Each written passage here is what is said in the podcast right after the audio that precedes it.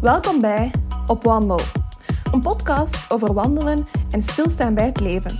Over verbinding met jezelf, met elkaar en met de natuur. Mijn naam is Doreen en ik weet het, soms lijkt die verbinding ver zoek. Maar wie zoekt, die vindt en dus zoeken we samen, in gesprekken en op de wandelpaden. Met deze podcast wil ik je inspireren om op wandel te gaan, om te ontdekken.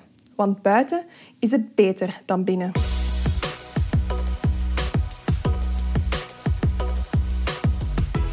Welkom bij aflevering 3 van het tweede seizoen van Opwandel. Intussen is het lente, het zonnetje begint te schijnen, het zijn heerlijke wandeltemperaturen en ik ben stiekem al aan het dromen van de zomer. En deze zomer heb ik drie leuke wandelreizen gepland en over twee daarvan kan ik al meer vertellen. In juli vertrek ik op een vijfdaags avontuur door de uitdagende natuur van IJsland. Samen met Travelbase, dat is de organisatie achter The Iceland Trail, zakken we af naar Reykjavik om de Laugavegur-route te wandelen. De Laugavegur staat in het lijstje van mooiste wandelroutes ter wereld. En vanaf de eerste stap waan je jezelf al op een andere planeet. Je komt letterlijk het ene ongekende natuurfenomeen na het andere tegen. En steeds gecombineerd met een prachtig panorama. Tijdens de tocht trekken we met onze rugzak en onze tent van shelter naar shelter. En bij sommige shelters vind je zelf een warm waterbron, waar je na de wandeling echt kan ontspannen en genieten van al die IJslandse natuur. Er zijn nog een paar plekjes vrij in juli en augustus. Dus als je zin hebt in 100% avontuur, twijfel dan geen seconde langer en kom met ons mee. Alle info vind je in de link in de beschrijving van deze podcast. En in augustus trek ik de Franse bergen in, samen met Dieter van Holder, outdoor-expert en gezicht achter mountainskills.be. Dieter is gecertificeerd berggids met bakken ervaring. Vanuit zijn passie voor de natuur heeft hij zijn eigen bedrijf opgericht. En met Mountain Skills wil hij bergtochten toegankelijk maken en hikers een zelfstandige, zelfzekere en veilige bergbeleving aanbieden. In augustus vertrekken we samen voor een trekking met bivak naar het massif des Serres in Frankrijk. Maar het is niet zomaar een trekking. Dieter deelt gedurende een hele week zijn tips en tricks. Je leert er alle vaardigheden, zodat je in de toekomst zelfstandig meerdaagse tochten kan aanvatten. Hij leert je bijvoorbeeld hoe je een dagtocht moet plannen, hoe je moet navigeren met een kaart, met een kompas, hoe het weer in de bergen gaat en welke invloed dat, dat heeft op je wandeling, hoe je risico's moet inschatten, hoe dat je die moet minimaliseren, wat je moet doen bij een ongeval, hoe dat je moet eten op een bergtocht en ook natuurlijk de bergomgeving, fauna, flora en cultuur. Zie deze reis dus als een springplank naar nog meer avontuur. Alle info vind je via de link in bio. En toevallig is Dieter ook de opwandelaar van vandaag. Laat je meeslepen door zijn spannende verhalen en wijze woorden. De aflevering is langer dan normaal, maar geloof me, het vliegt voorbij. Echt waar. Wedden dat je na deze aflevering sowieso mee wil met een van Dieters reizen?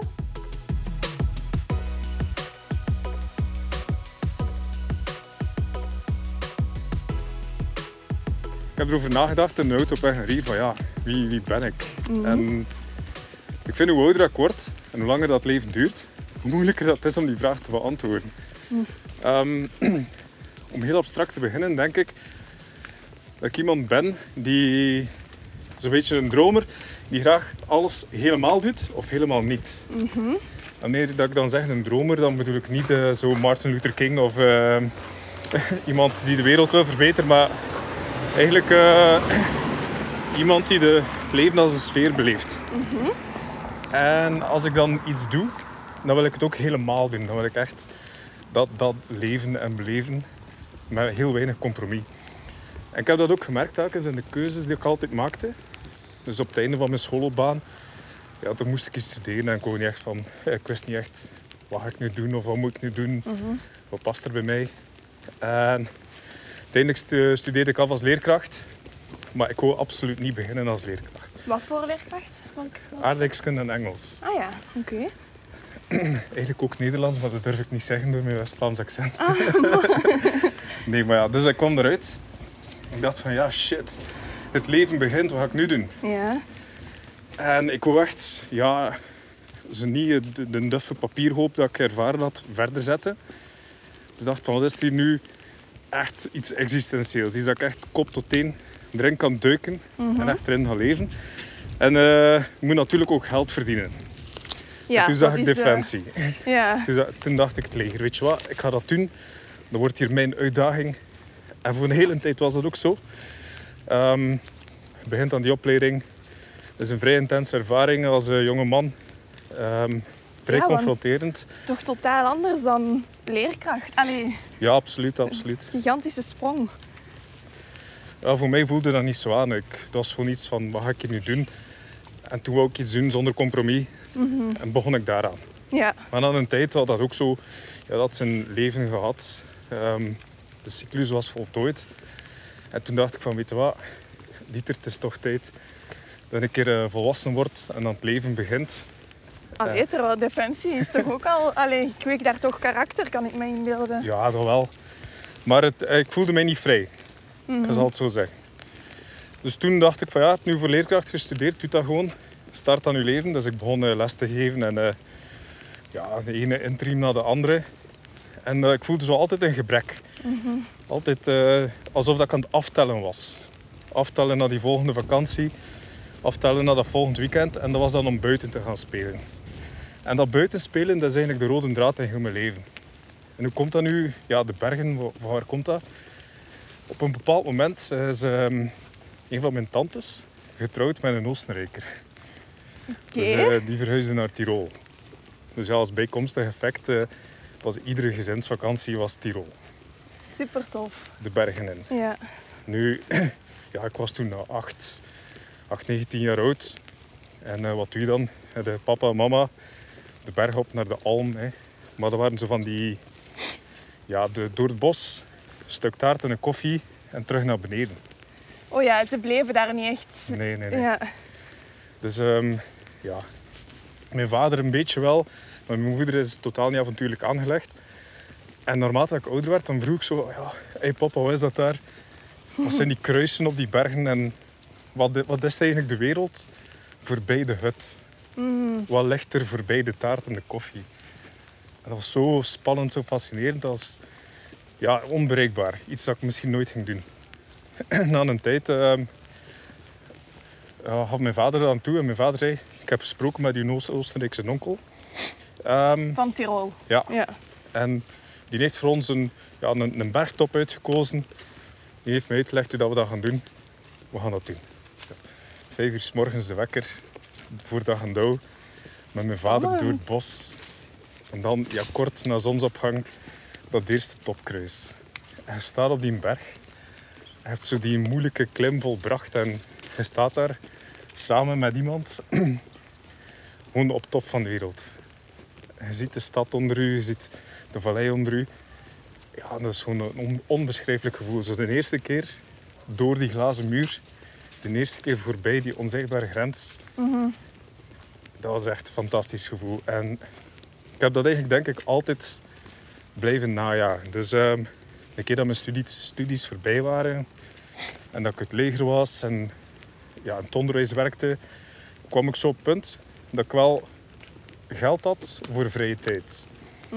Dus ja, we kennen het allemaal. Hè. Je begint aan je leven, je hebt niet veel over. Maar toen kwam zo het punt van, weet je wat, ik heb eigenlijk wel vrije tijd. Ik kan het wel betalen om ergens naartoe te gaan. Ik heb een auto enzovoort. en toen ehm, kwam er een oude legerkameraad. En eh, die zei, weet je wat Dieter, eh, we zijn er al twee uit. Laat ons nu een keer gewoon al dat rugzakgedoe gaan toepassen. Rugzakgedoe. Ja. Al dat eh, trappelen en slepen, Ja, maar on our own terms. Oké. We gaan het gaan doen. We nemen alles dat we geleerd hebben mee. En we gaan gaan eh, genieten.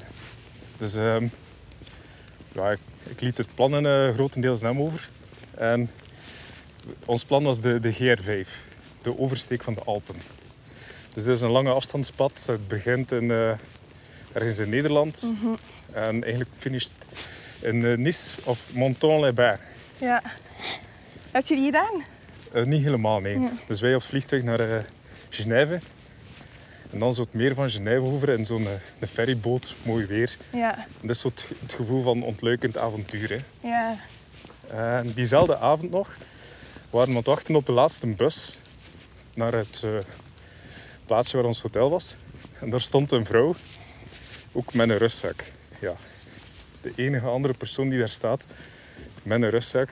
Wat denkt hij dat hij gaat doen? Mhm. Dus ja, we, we komen aan de praat. Blijkt dat hij in hetzelfde hotel verblijft. En dat ze hetzelfde plan heeft. Dat was een Française, ja, een tiental jaar ouder dan ons. Mhm. En die was vrij ervaren. En die ging dat helemaal alleen doen Ja. eigenlijk, ja. Dus de volgende dag, ehm, wij op pad, samen met de Française. En wij bleven bij elkaar. Dat was zo precies het begin van de Bremer stadsmuzikanten. en eh, vrij snel had hij zoiets van... Ja, maar wat, wat dragen jullie eigenlijk allemaal mee? jullie rustzak is toch, is toch veel te zwaar en... Ja, allee, we waren rookies, hè. Ja, ja. En jullie hadden... Allee, want je zei daarnet dat rugzakgedoe is wat je geleerd had in het leger, bedoelt je dan? Ja, dat, Ja. Was, dat was letterlijk... Ik kom uit een, een eenheid en ehm, dat is lichte infanterie. Lichte infanterie is niet licht. Dat betekent gewoon dat alles te voet doet. Oké. En eh, de bijnaam van die eenheid is de Karpatten. De, en dat komt zo gezegd, hebben ze mij verteld, van de kar à pat, de karren op eh, pantoffels, Oké. omdat je zoveel meesleept. en dan, dan is dat echt zo van, oké, we gaan op bivak, eh debak, depakkage, Hey, dan heb je lijst. Dan wordt de lijst afgegaan en alles dat op die lijst staat, dat moet in je rugzak zitten. Ja. Of dat je dat nu nodig hebt of niet. Precies, Ja, ja. het moet mee. Dus we hadden veel te veel mee. En hij zei, kom, rugzak kopen. We zijn gezien, wat staat er hierin? Eh, dat we niet nodig, dat we niet nodig. En mijn kameraad en ik hebben elk 3 à 4 kilogram op de post gedaan naar huis. dus, En dat was eigenlijk bij uw, uw eerste vertrek eigenlijk, of uw Ja. eerste stop, dat je ja, zei van oké, dit is eruit. ja. En wat was dat dan allemaal? Goh, dus ik weet dat niet meer precies. Gewoon dingen dat je dubbel mee hebt. Of ehm, een boek. Zo, echt Ja. lompe, zware items.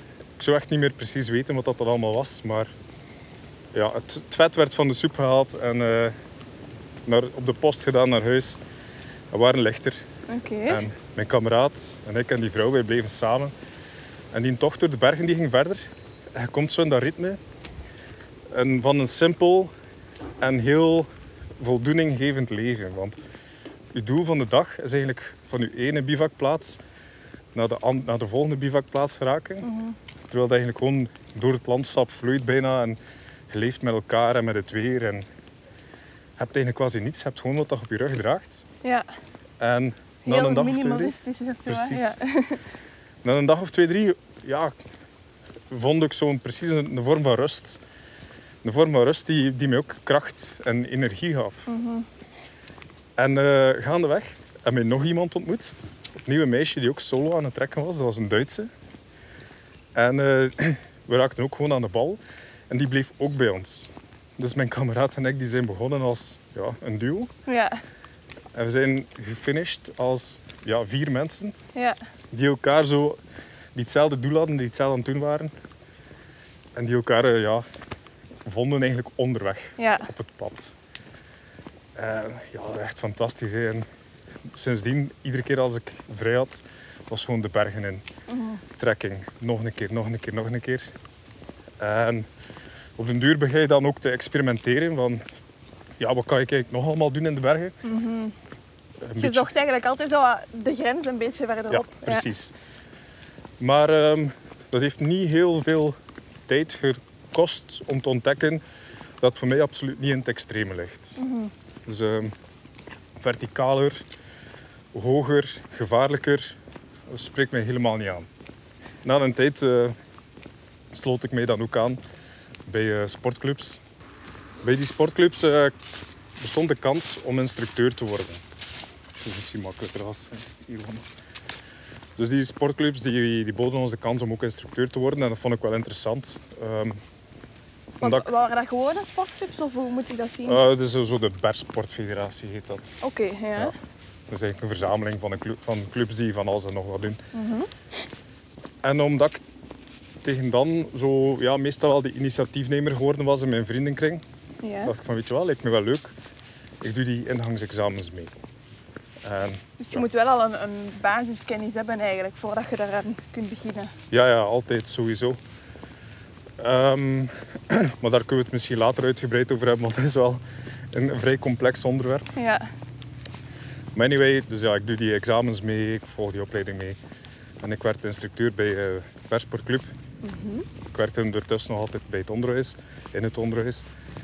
Maar die verveling en die, dat slepen naar die volgende vakantie, dat bleef zo. En ehm, op een bepaald moment kwam ik in IJsland terecht. Eh, op vakantie eigenlijk. En in IJsland leerde ik zo'n paar mensen kennen. die zeiden mij van ja, Dieter, weet wat? Ehm, eigenlijk kunnen wij wel mensen zoals jij gebruiken. Wij hebben wel werk voor u. Dus uh, een bepaalde zomer dacht ik van weet je wat? Ik ga er gewoon naartoe en ik uh, solliciteer. En dat was super spannend, want uh, die IJslanders die had mij gezegd op voorhand van je moogt komen, maar we gaan u testen. En als je niet slaagt in de testen, dan sturen we gewoon naar huis. Oké. Okay. That's the game. Dus dat was all or nothing. All or nothing. dus ja, ik met uh, kriebels in de buik naar IJsland. en uh, ja, ik, ik, kom daartoe en het, IJslanders die zijn vrij chaotisch. Het is allemaal heel, heel vriendelijk. Allemaal uh, voornaam. Je voelt je altijd alsof dat je bij gelijken bent. Mm -hmm. Maar je wordt wel getest. En de ultieme test, ik weet nog zeer goed, dat was een dag. Uh, het regende enorm. Oké. Okay. En uh, de job was uh, gletsjergids. Dus mensen meenemen op het ijs en uh, ja, daar dan tochten gaan doen in een vrij complex terrein. Maar je had dat nog nooit gedaan, echt? Of jawel, wel? Ah, oké. Okay, ja. Zo tegen dat punt had ik wel al opleidingen gevolgd en deed ik dat al in mijn vrije tijd enzovoort. Maar ik had dat nog nooit beroepsmatig gedaan. Ja. En dat was een Nieuw-Zeelander. John. En uh, John zei... Weet je wat, Dieter? Uh, jij en ik, wij gaan vandaag wij gaan, een wandeling gaan doen. geen stress, neem gewoon je zak mee zoals dat anders zou doen. We gaan op verkenning. En de dag start. Jullie twee? Ja. ja. Dus ik dacht, ja oké, okay, chill. Er is misschien niet veel te doen vandaag. Ehm, we gaan dat gewoon doen. Want de dagen voordien was ik gewoon mee geweest als shadow. Andere ja. gidsen volgen. En die kerel legt er zo'n tempo op. Niet normaal, die is aan het gaan en die is aan het gaan. En in plaats dat we de, de gletsjer van de zijkant benaderen, zoals dat we normaal doen, om makkelijker van ja, de bergen op het uh, relatief vlakke ijs te raken, ja. benadert hij de gletsjer van de voorkant. De gletsjer van de voorkant is een, een gebroken, gespleten massa. Oké. Dat is gewoon een, een abstracte dup, uh, duplo blokken doos van dat, gebroken ijs. Is dat de tong dat ze zeggen? De tong, ja. ja, ja. Maar echt zo de voorkant van de tong. Mm -hmm. Waar dat die compleet uit elkaar valt, opensplijt, meestal ook vrij verticaal is. Oké. Okay. Dus uh, het hart is al uh, goed aan het werken. en we beginnen ons ja, een weg te zoeken door die abstracte massa. En die is echt aan het gaan, nee, ik ben aan het afzien. En dan komen zo in een tunnel terecht. Je zit gewoon aan het ademen, aan het werken. En je verliest je uh, situational awareness. En plots zie ik hem zo vertragen. Hij kijkt zo links en rechts in die gletsjerspleten. Hij neemt zijn rugzak af en die zei... Haha, your day just turned to custard. Ik dacht, oh nee, wat de hel gebeurt er nu? Ja. En die werpt zijn rugzak gewoon een spalt in. In dat ijs? Allee, in Ja. de... Oké. Hij zei van, oké, eh, you have 30 minutes, go. dus dan, dan begint het. Hè. Dus eh, je hebt een slachtoffer in een spalt. Ah En die- ja, oké. Het was een, een, een, een oefening eigenlijk. Ja. ja. En binnen die 30 minuten was de bedoeling dat ik een, op een veilige en efficiënte manier een anker bouw, afdalende spalt, het slachtoffer fixeer, terug uit de spalt klim, een takelsysteem bouw en dan het slachtoffer uit de spalt takel.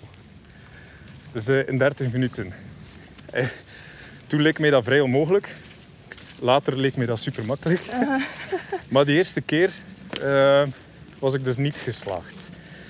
En de reden daarvoor was, ik was zodanig ehm, ja, in een tunnel van die fysieke inspanning en van het niet verwachten van dat probleem, dat ik gewoon alles wel deed, maar niet goed genoeg.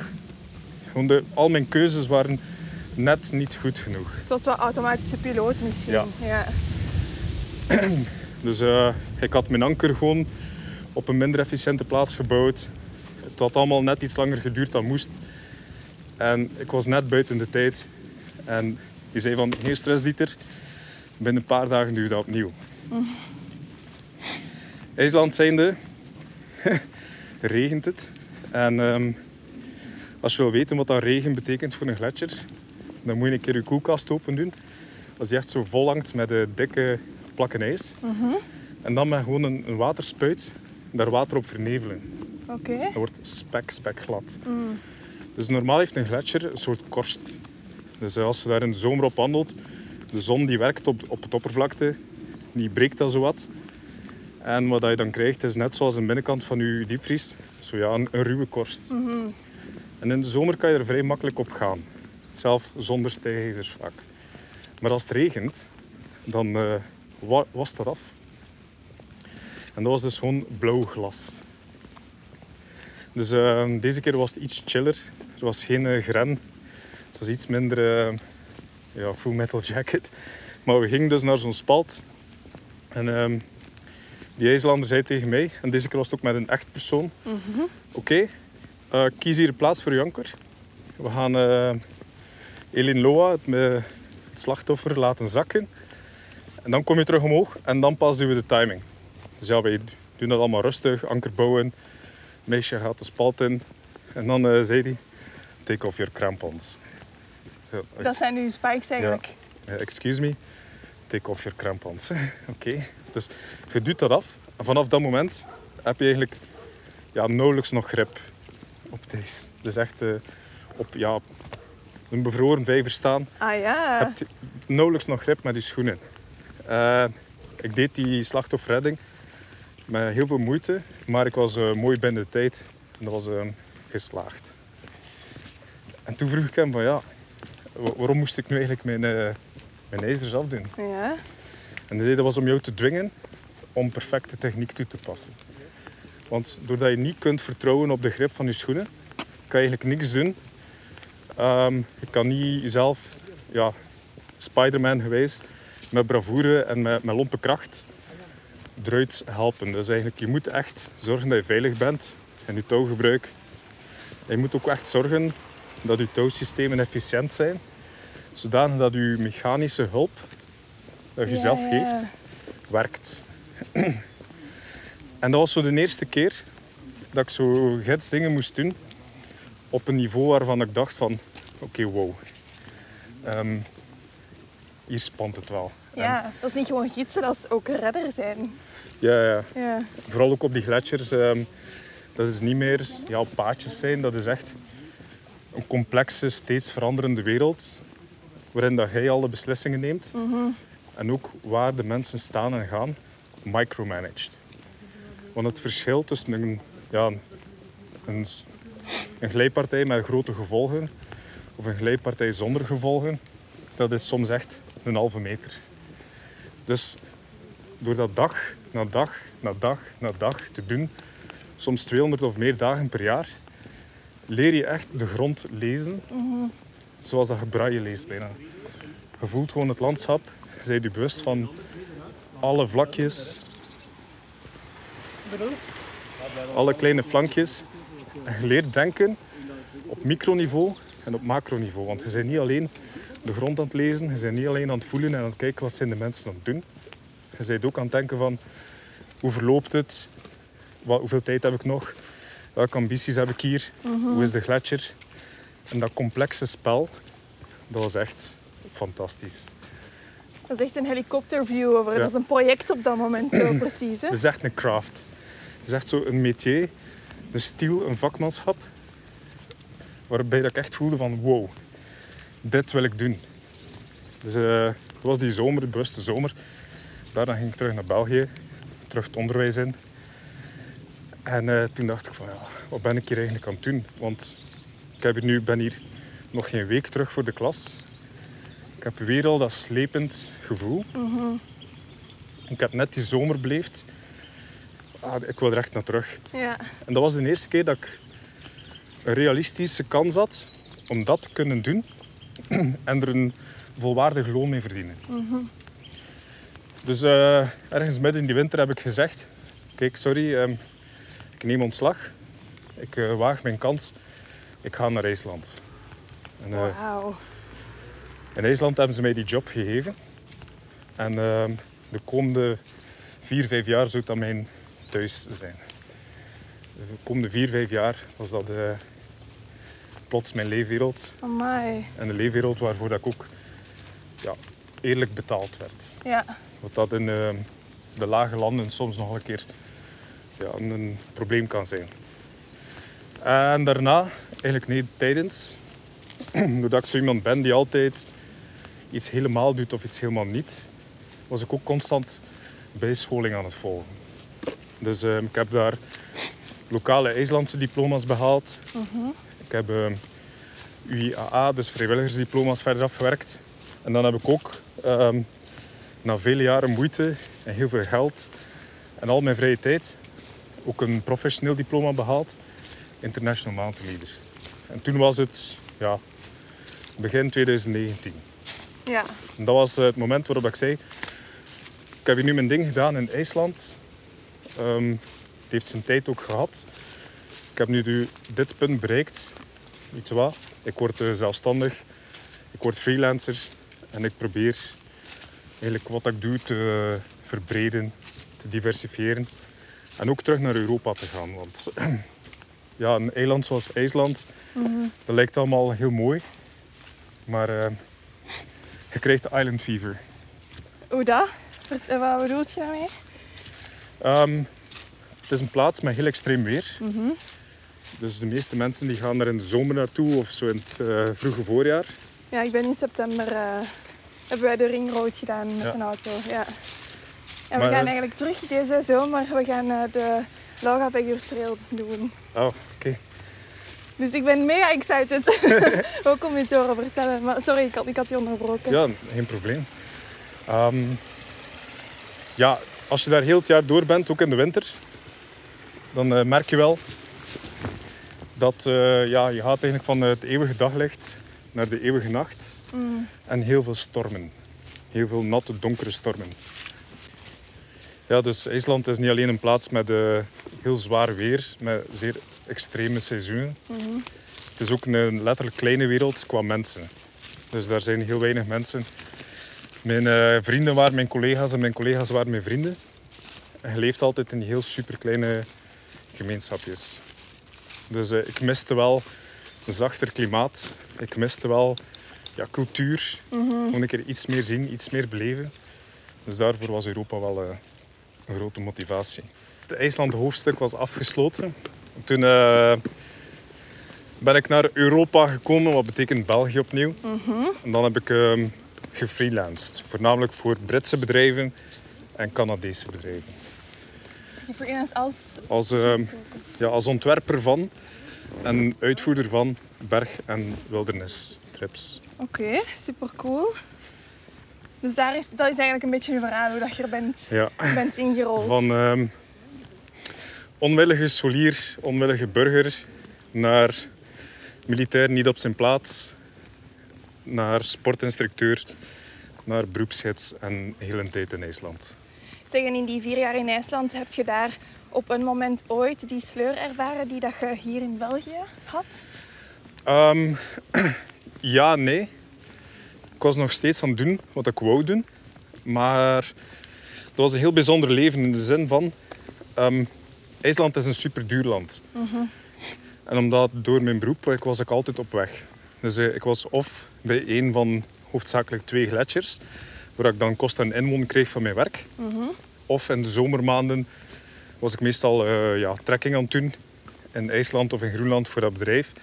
Dus eigenlijk de hoeveelheid tijd dat ik in een stad of in een appartement of in een huis zou moeten doorbrengen, die was zeer beperkt. En als je weet dat je in eh, Reykjavik snel eh 1000 euro per maand betaalt voor een, een garage dat ze uitgeschilderd hebben, had ik zoiets van, weet je wel, ik ga dat niet doen. Ik leef gewoon uit eh, twee rugzakken. Dus dat was van de ene tewerkstellingsplaats naar de andere. Zo'n containeraccommodatie.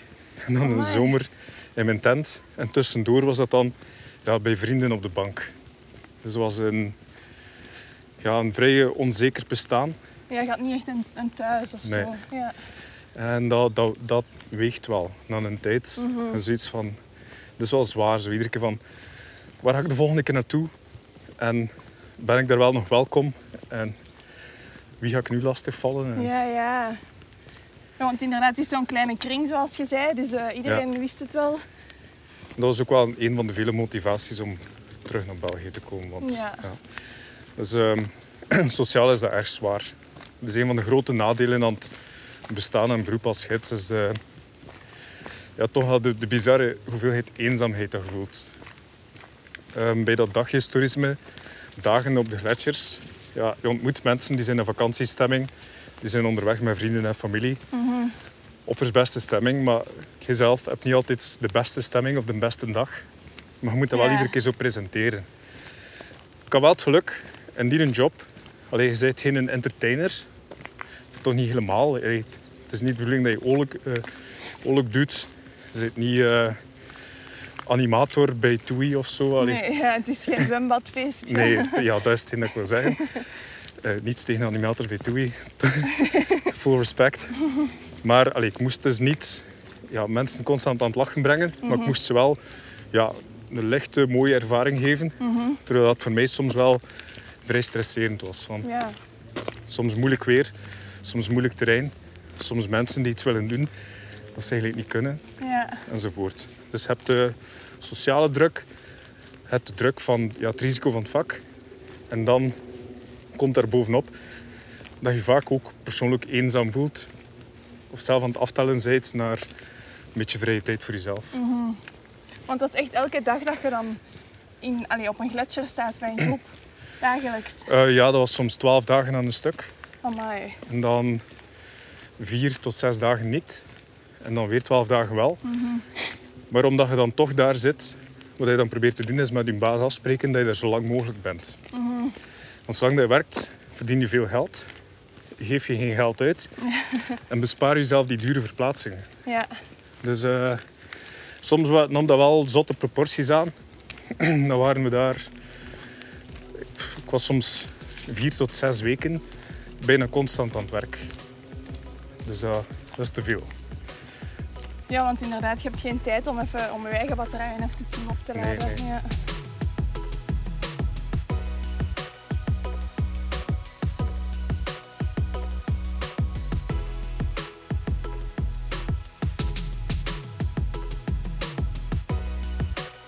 Je bent een, een gecertificeerd gids, maar dat wordt je inderdaad niet zomaar. Welke stappen... Allee, stel dat ik iemand ben die, die dat ook heel interessant vindt, wa- wat jij nu vertelt, en ik wil dat doen. Hoe begin ik daar überhaupt aan? Ehm, er zijn eh, drie grote facetten aan. Eén is eh, het beroep zelf. Twee is de labels die je erop plakt. En dan eh, wat was het weer derde dat ik wil zeggen. Ik zal daarmee beginnen. Ehm, ja, wat dat de waarde is van die labels. Dus je hebt veel gidsen. Hè.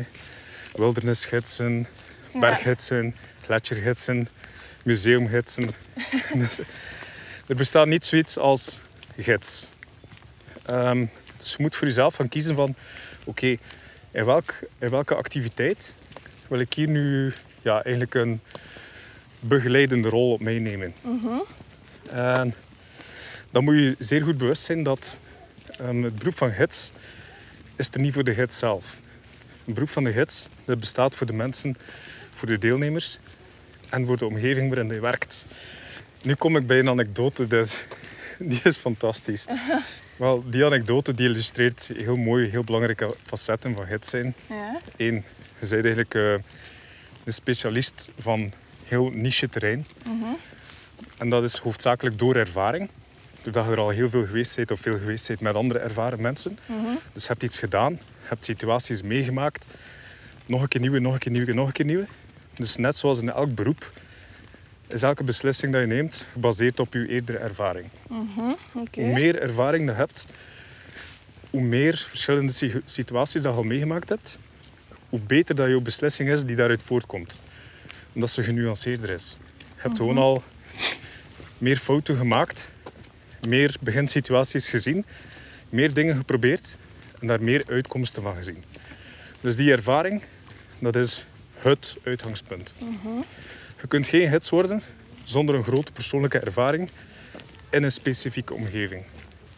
En dan komt daar dan bij het label, dus uw titel.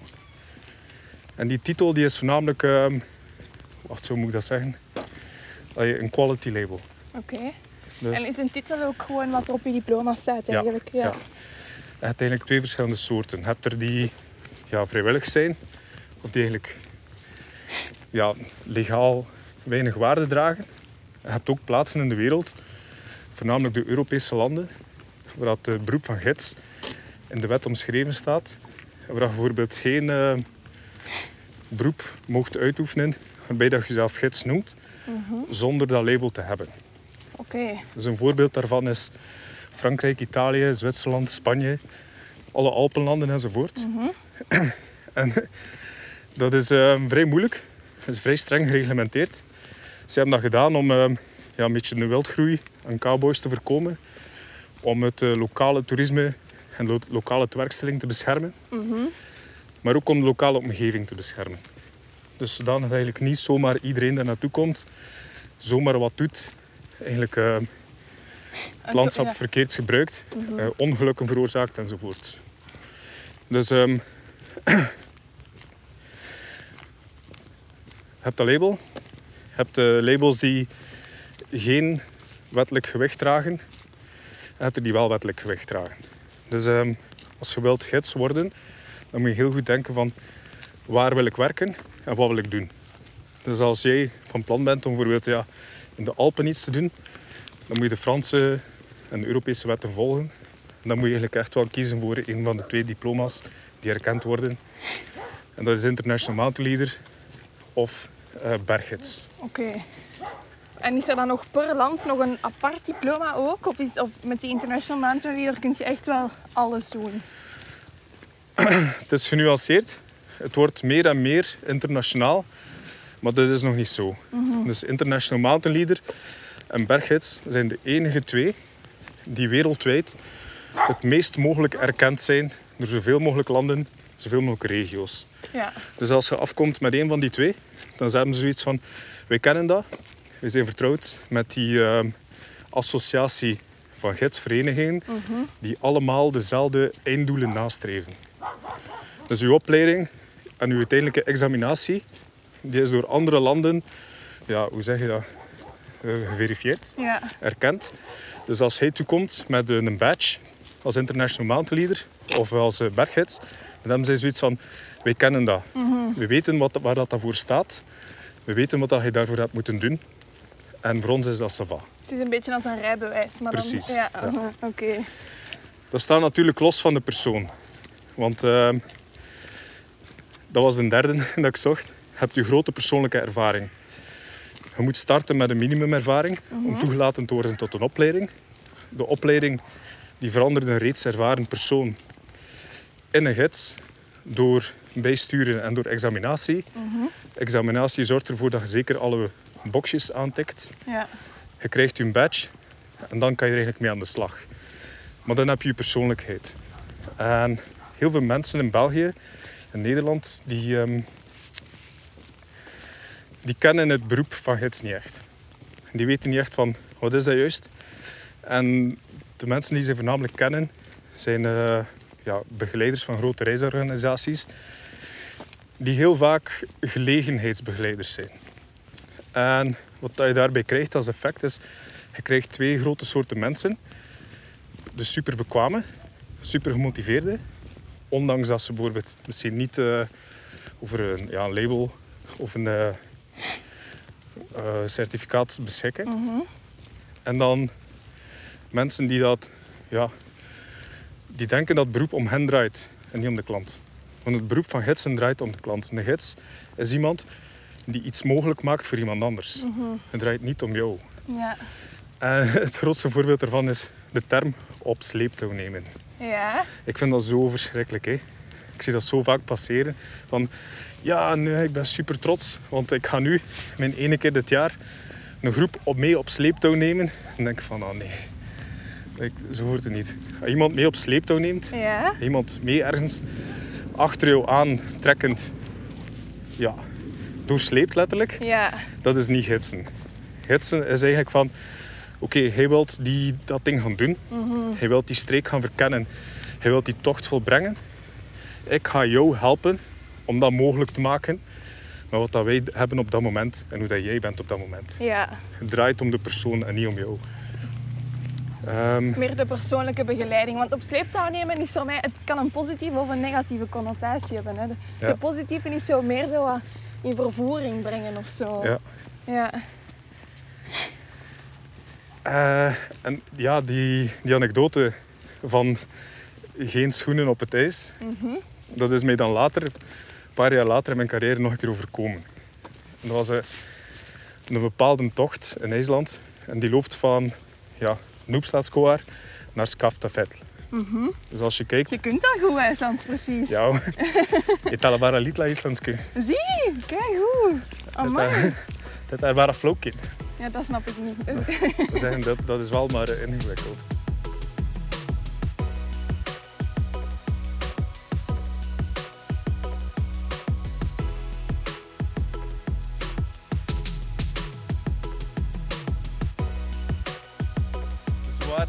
Bezig over, ja, waarin, wat, wat maakt een gids een gids? Ja. Dan zeiden we, oké, je hebt een ervaren persoon.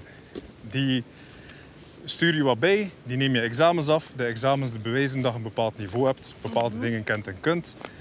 Dan krijg je een badge. Die een badge kan ja, wettelijk gewicht dragen of niet. Maar het allerbelangrijkste blijft de persoon zelf. En Ja. dat jij als, als gids beseft dat jouw vak is zorgen dat iets kan gebeuren voor iemand anders. Dus het draait niet om jou. En tijdens de uitvoering van jouw beroep moet je ook echt alles doen om dat doel te bereiken. Iemand blij naar huis sturen, maar niet alleen blij, ook in zijn volle integriteit. Want wat je doet is vaak heel confronterend. Mensen die, die zijn aan de limiet van hun comfortzone. Ja. Die gaan niet alleen fysiek, maar ook dikwijls mentaal naar de rand en daar voorbij. En dan, dat is een heel fragiel punt. En het beroep van een gids speelt zich af in de heel dunne grijze zone, vlak voor en vlak na de comfortzone van iemand. Daarin moet je werken.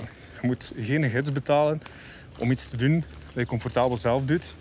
Je moet geen gids betalen om enkel een route te volgen. Die gids is daar om met jou mee te zijn in die hele dunne grijze zone van net iets verder en net niet te ver. Als je dat doet met een groep, is dat moeilijk, want dat ligt bij iedereen anders.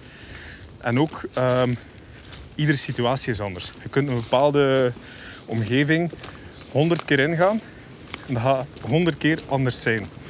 Dus een gids die denkt altijd, nu moeten we opletten, dat we links dan rechts moeten. Dus dat denk ik ook, maar eh, wij moeten niet rechtsaf, denk ik. Ja.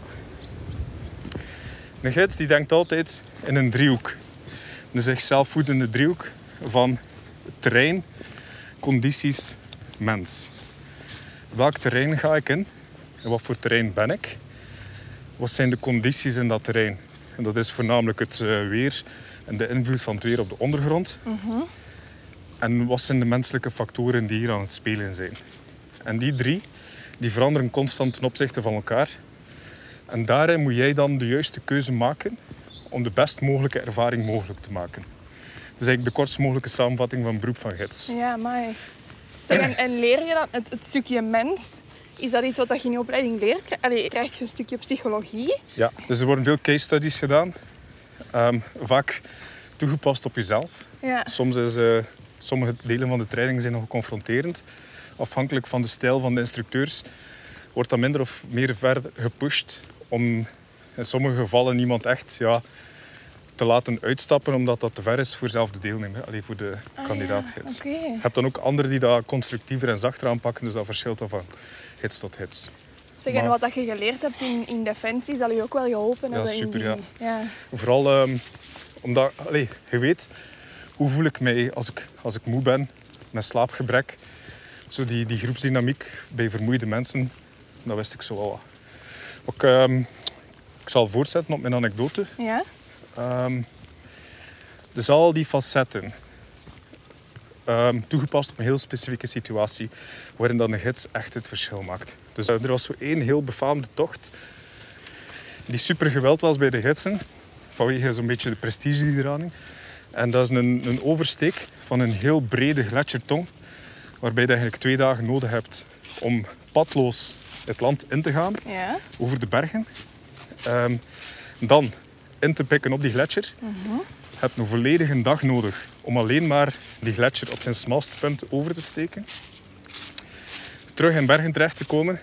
En dan nog een keer twee dagen nodig om terug uit de bergen in een nationaal park terecht te komen. Dus dat is IJsland ten top. ja, dat is echt isolatie. Ja. Ja. Pure wildernis, geen paden. Echt gewoon het, ehm, het terrein is uw speeltuin. Vrij extreem terrein en de kans op vrij extreem weer. En als gids is dat natuurlijk het ultieme. Want wat dat uw baas u eigenlijk zegt van kijk, ehm, je hebt vijf dagen, je hebt vijf of zes mensen. Het doel is om daar te starten, daar te finishen. En op de derde dag moet je die gletsjer oversteken. That's it. Oké. Job description. Al de rest, iedere beslissing dat je neemt, is volledig jouw discretie en is de volledige vrijheid. We moeten daar Ja. zijn. Dus eh, ik deed dat voor de derde keer. En eh, er was zo één man bij, eh, Patrick Durkin, de pianist uit New York. Oké. En, eh, De die... bekende. Nee, nee, Ah. totaal niet. Oké. Nee, bij mij wel, hè. Ja. Dat is mijn held, hè, Patrick Durkin. maar Patrick Durkin uit New York, die deed voor de eerste keer hiking. Ja. Die was midden in de 50. En die had daar iets geboekt waarvan ik dacht van man, wat heb je zelf aangedaan? je hebt de conditie niet. Je materiaal is veel te zwaar voor u. Dat wordt hier iets. Ja, nu moet ik me even opletten, hè, waarschijnlijk. Eh, ja, volgens deze ding is het... eh, Rechtdoor. ja. Ja. Ja. Die lange weg hier. Eh 35. Ah ja, kijk, we zijn er terug. Fietsers. We, hebben, we hebben dit stukje geskipt. We Nice. zitten hier, oké.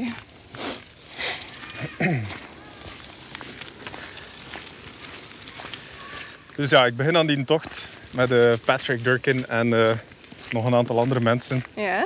Een vader met zijn dochter. Een Zwitserse die alleen gekomen was en die pianist uit New York. Dus we beginnen aan die tocht en we zijn twee dagen ver.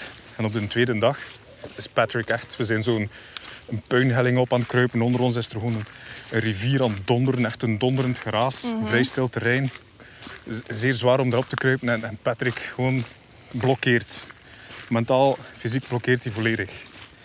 En eh, die dag heeft hij door emotioneel en fysiek zo zwaar erover te gaan, was hij eigenlijk kapot voor bijna de rest van de trip. Oh ja. Dus dat is een probleem, want dan als scheids ben je aan het denken van ja, maar hoe ga ik hier nu die persoon managen, zodanig dat eigenlijk de volledige groep er raakt, dat die persoon er ook raakt, en dat we geen te grote compromissen moeten stellen op die trip, Eh, zodanig dat eigenlijk het doel bereikt kan worden. Ja, want je, moet, je zit in het midden, dus je moet, je moet ofwel terug ofwel Ja, rechtdoor. is precies. no way back.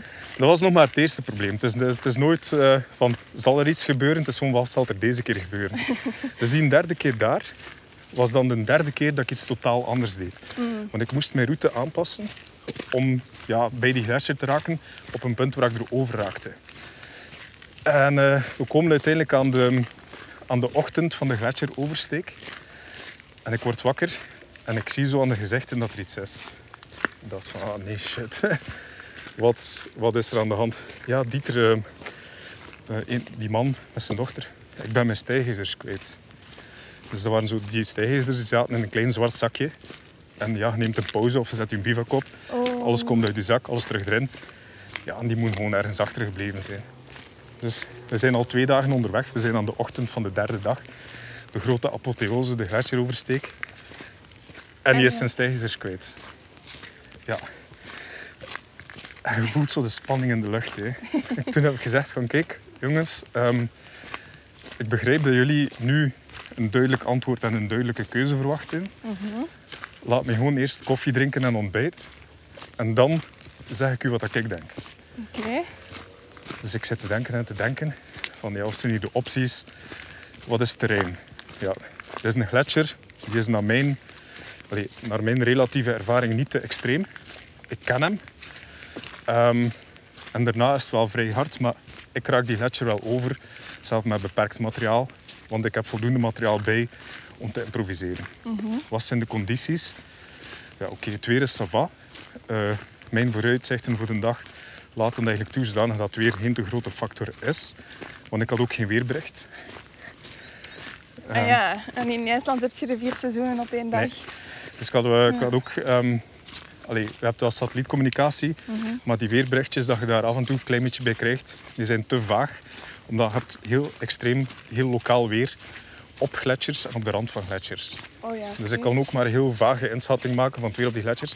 En toen kwam de factor mens. Dus ik had mijn zwaar vermoeide New Yorker.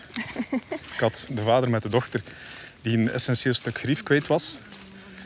Ik had een volledige groep die daar was en zeer veel geld had betaald om die specifieke ervaring te doen. Ja. Ene keer en waarschijnlijk nooit meer.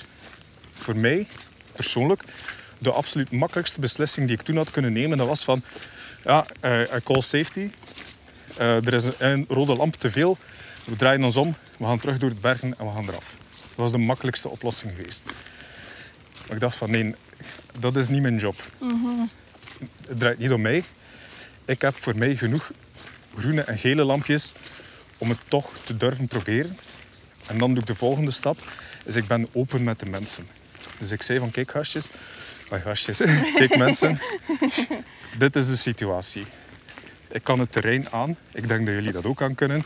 Het weer is normaal goed genoeg, jullie zijn hier om dat te doen.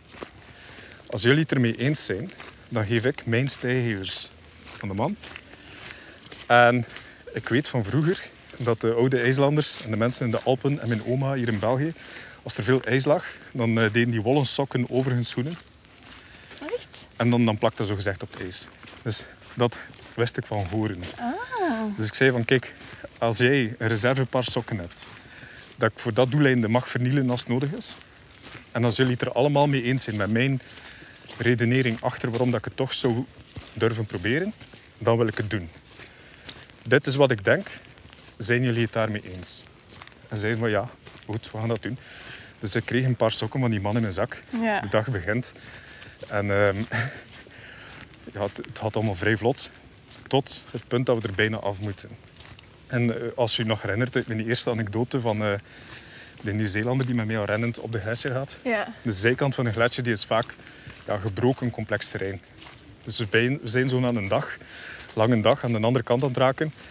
En dan is het zo niet meer zo een witte autostrade met water die erover stroomt, maar echt ja, spalten en brokken.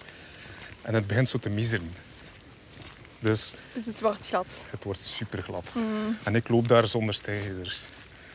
En de routekeuze die wordt complexer en complexer. En de dag die duurt langer en die duurt langer. Mensen worden vermoeider.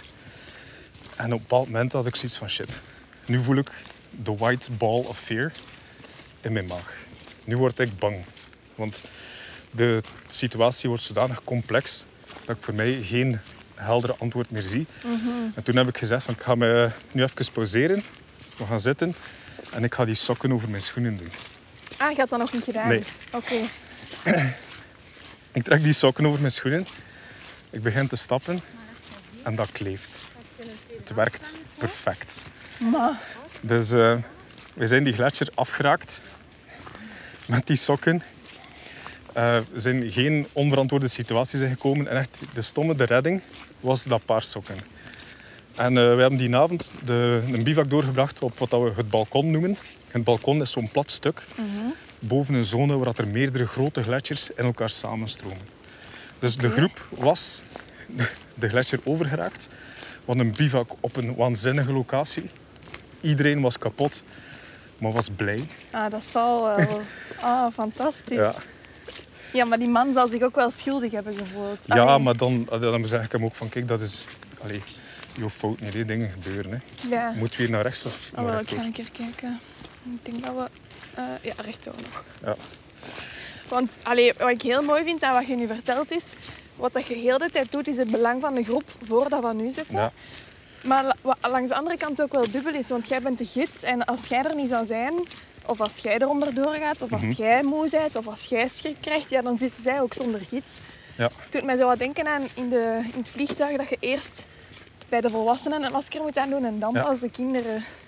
Dus het is toch daar een balans ook in zoeken dan, veronderstel ik. Absoluut, absoluut.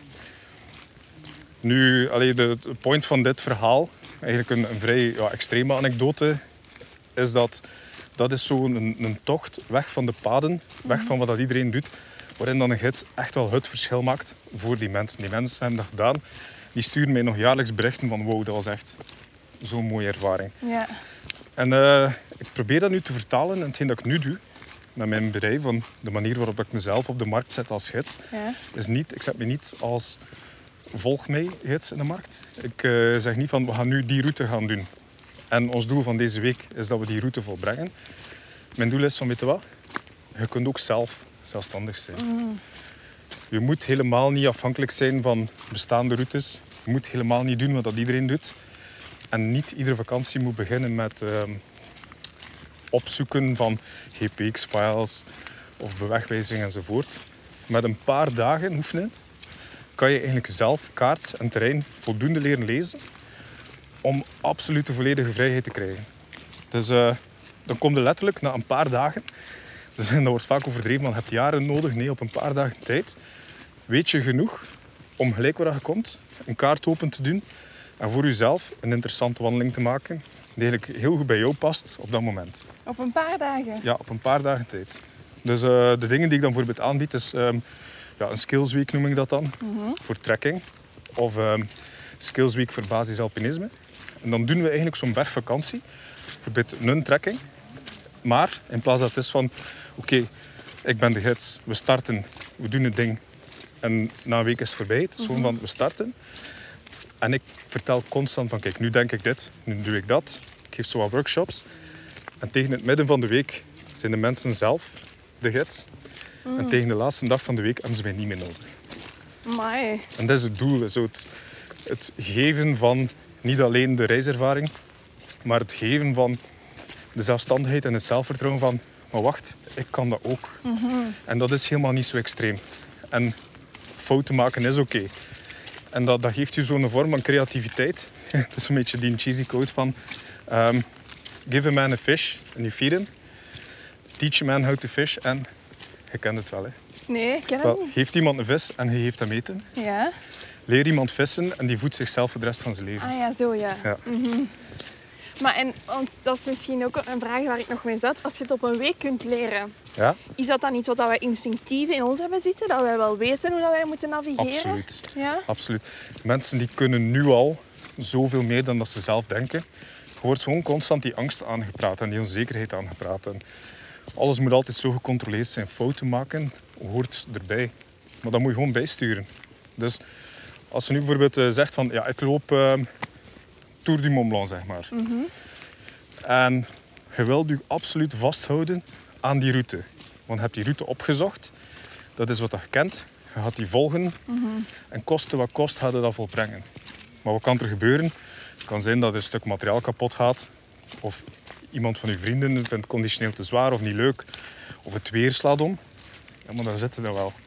Dan heb je zelf vastgereden in een tunnel. Mensen denken over bergen als, in mijn hoofd is dat als tunnels, als een metrostelsel. Waarbij dat ze zoeken naar de paden en dan de paden moeten volgen en routes moeten volbrengen. En dat is echt tunnel vision. Bergen dat is een 3D-omgeving. Paden dat is iets bijkomstig. Dus je moet echt de bergen leren zien als ja, een driedimensionaal terrein waarin je eigenlijk bijna 100% vrijheid hebt. Dus een keer dat je dat terrein kunt lezen, een keer dat je weet van ja, maar ik kan ook zelf keuzes maken, dan kan je voor jezelf opnieuw en opnieuw en opnieuw de best mogelijke tocht scheppen. En dat is ook zinvol als je bijvoorbeeld een geerwandelaar bent. Bijvoorbeeld je wilt een ja, vijfdaagse geer gaan doen. Dag drie van je geer stoot je op een probleem. Ja, dan kan het zeer onaangenaam worden. Hè? Want dan denk je van, shit, nu voel ik me wel onzeker. Ehm, ik weet niet helemaal juist wat dan mijn opties zijn. Kan ik wel afwijken van mijn plan?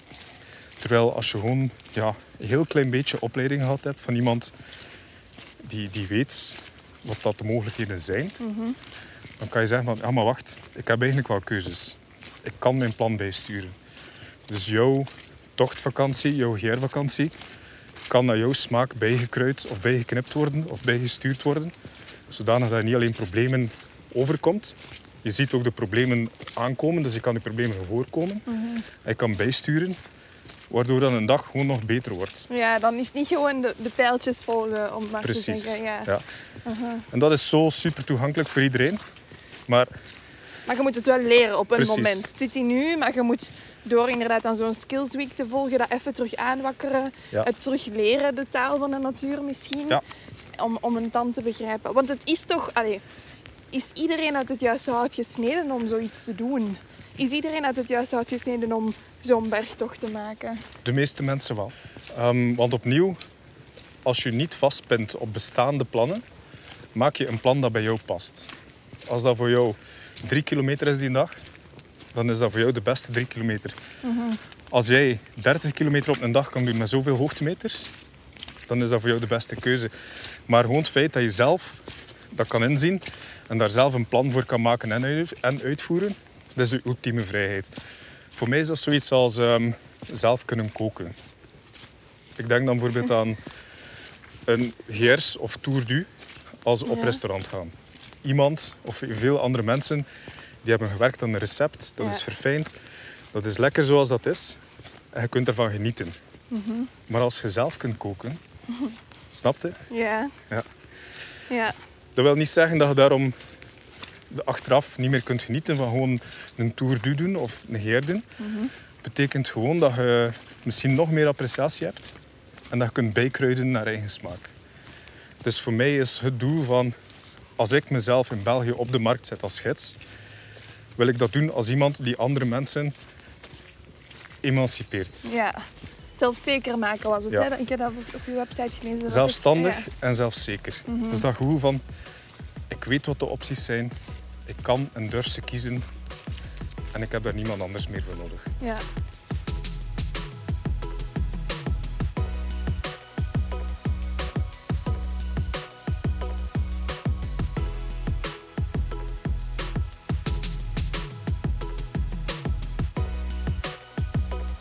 Hoe bereid je je zo het beste voor op zo'n trektocht? Stel dat je zegt van ah, ik ga misschien niet de, ja, een tour doen. Pa- Pak de Tour du Mont Blanc. Wat zijn zo de, de stappen die je onderneemt, die je zeker moet doen om, om je daarop voor te bereiden? Materiaal is superbelangrijk. Ehm voordat je iets anders doet, of voordat je eigenlijk eh, de natuur of de bergen ingaat, moet je zorgen dat je daarvoor het juiste grief hebt. Want ehm, ja, foute keuze, bijvoorbeeld, heel, heel grote fout die ik keer op keer zie, is eh, dat mensen het belang van waterdichte kledij onderschatten. En dan komen ze af met een waterwerende jas of met zo'n gevoerde ski, skijas. Of eh, zo, ja, eigenlijk kleine kleine fouten die in het hoofd van de persoon zelf geen grote fout zijn, maar die wel zeer grote gevolgen hebben in het terrein zelf. Oké. Omdat het kan zijn dat je door blootstelling aan het weer een verschrikkelijke ervaring hebt, terwijl dat één kleine andere materiaalkeuze dat probleem volledig had kunnen voorkomen. Dus onderschat het belang van materiaal niet, maar overschat ook niet hoeveel geld je eraan moet eh, geven. Dus ehm, bijvoorbeeld een, een waterdichte jas, je kunt er kopen van 60 euro, je kunt er kopen van 600 euro. Ze zijn al twee waterdicht. Je hebt natuurlijk wel de curve van ja, afnemende meerwaarde, maar je moet eigenlijk gewoon zorgen dat je juist genoeg en niet te veel mee hebt aan de prijs die voor jou betaalbaar is. Ja, want het is inderdaad, allee, we zijn nu ons aan het voorbereiden. We hebben, het is de eerste keer dat we echt zo'n tocht gaan doen. Hè? Dus zijn, allee, mijn vriend gaat er dan keihard in om zo alles te bekijken. En oké, wat kost het? En inderdaad, je kunt voor het beste tussen haakjes materiaal gaan, voor heel veel geld. Mhm. Maar je hebt dan ook iets goedkoper, waar dat je ook nog mee oké zou zijn. Maar je moet inderdaad wel heel goed nadenken over al die details. En hoe zit die rits op die jas? En, Dan komen we weer aan, het, aan het waarom. En dat is ook weer zo'n meerwaarde dan een gids. Die kan u zeggen waarom dat je iets nodig hebt. Die zegt niet gewoon van dat nu. ja. Die zegt dat daarom. Dus eh, eigenlijk je packlist. Laat je adviseren of doe je heel veel opzoekwerk over je packlist. Die kan een groot verschil maken. Ehm, een tweede belangrijke ding is, dat u mij altijd denken aan een, een quote van Eisenhower. En ook iets dat ze u in, in het leger tot kotsens toe leren, is Ja. van... ehm, plans are, eh, planning is essential and plans are useless. Je moet eigenlijk ehm, uitgebreid gaan bestuderen van wat, waar ga ik naartoe. En niet alleen maar jouw route. Je moet echt ook kijken van, oké, wat is die, de grotere regio? Wat ligt waar? Echt kijken in ja, zelf de valleien naast jouw route, zodat je weet wat dat er bestaat. En dan ga je gaan kijken van, oké, welke stappen moet ik hier gaan uitvoeren om mijn route te volgen. Maar dan, doordat je eigenlijk breder gaat nadenken, weet je ook wat je kunt doen als er iets fout gaat op je route. En dan moet je kunnen aanvaarden dat waarschijnlijk fout zal gaan. En durven bijsturen. Ja. Dus dat is echt totaal geen falen. Ik ben al talloze keren verdwaald. Of een pad die weggespoeld is. Of gewoon iets dat plots onmogelijk is. En doordat je dan ruimer gepland hebt dan alleen maar de route, dan ben je ook beter voorbereid om die eh, afwijkende keuze te maken. Dus eigenlijk, eh, plannen is essentieel. Maar je plan zal in alle waarschijnlijkheid niet zo uitdraaien als dat je gedacht hebt. Maar hoe meer dat je plant, hoe meer dat je weet wat dat je opties zijn. Dus eh, qua voorbereiding, plan ruimer dan enkel en alleen maar de route. Bestudeer de grotere omgeving. Ehm, materiaal is superbelangrijk. En conditie is ook belangrijk. Ja. Maar sta je daar niet op blind. Heel veel mensen die denken van, ik kan dat niet. En ik heb niet genoeg conditie en ik ben niet sterk genoeg. En die rugzak zal te zwaar zijn enzovoort. Ja, dat is waarschijnlijk waar. Ja, waarschijnlijk. Maar doordat je je plan bijstuurt, kan je ten iets veranderen die dan wel werkt voor jou. Zou je het aanraden om je fysiek voor te bereiden op zo'n trail? Of, of... Ja, ja, absoluut. Dat wel. En hoe, hoe pak je dat dan aan? Ehm, disclaimer, dus ik ben geen eh, fysio. Maar wij kregen wel ehm, ja, trainingsmethodiek en, en sportfysiologie en zo verder. Dus wij weten wel ergens waarover dat we praten. Ja. En nu ga ik eens een beetje een controversiële term gebruiken. Dat is ehm, krachtuithouding. Oké. Dus je hebt zo'n pure uithouding, de marathonloper. Je hebt dus zo'n pure kracht, de gewichtheffer. En dan heb je iets daartussenin. Dus wat je eigenlijk meestal moet doen op ehm, een bergtocht, is op vrij ruw en geaccidenteerd terrein jezelf constant opnieuw in balans brengen met een gewicht die anders verdeeld is dan dat je gewend bent. Ja. Dus je hebt plots een zware zak op je rug. En je zit plots aan het bewegen op een andere manier dan dat je gewoon bent. En dan zie ik twee heel grote fenomenen. Dus je hebt uithouding, je hebt kracht en dan heb je krachtuithouding. Dus eh, als je de bergen in gaat, dan zie je altijd twee dingen. Als jou dat overkomt, dan mag je hem recht sturen. Oké. Eh, mensen die zien af op de klimmen. En de eerste twee dagen zijn die mensen buitenproportioneel vermoeid. Dus je bent aan het gaan met je ja, plots oneffen terrein. ehm, dat gewicht dat anders verdeeld is. En je bent constant aan het balanceren, constant. Zijn je zenuwen die nieuwe gevoelens en die nieuwe balans aan het verwerken. En dan de derde dag worden ze precies wakker. Van, plots is de conditie twee keer zo goed. dat is natuurlijk eh, fysiologisch onmogelijk.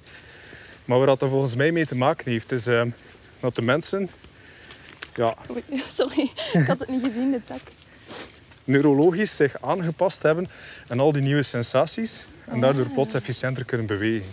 Dus de eerste paar dagen ga je misschien extra afzien, omdat wennen is aan dat ander terrein. En die andere manier van bewegen. En dan de berghops. De berghops en de bergafs. Dat heeft voornamelijk te maken met kracht in je benen. Krachtuithouding. En dat kan je voor betrainen door squats te doen. Ja. En eh, die constante stabilisatie.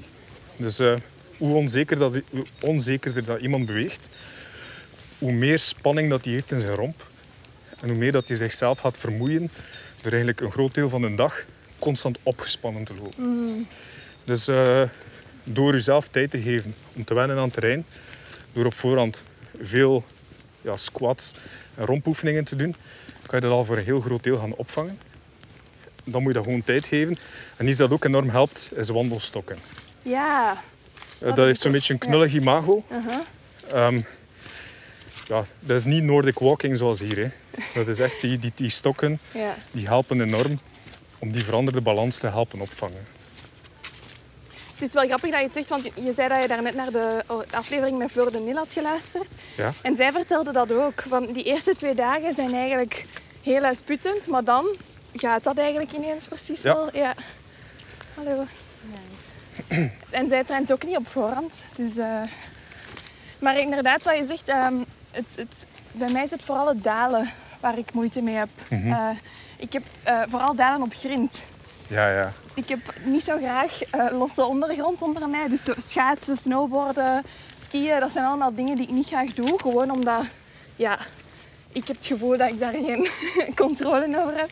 En dus we hebben ook een keer eens een afdaling gedaan op grind. Eh, en dan ben ik ook volledig dichtgeslagen. Ja.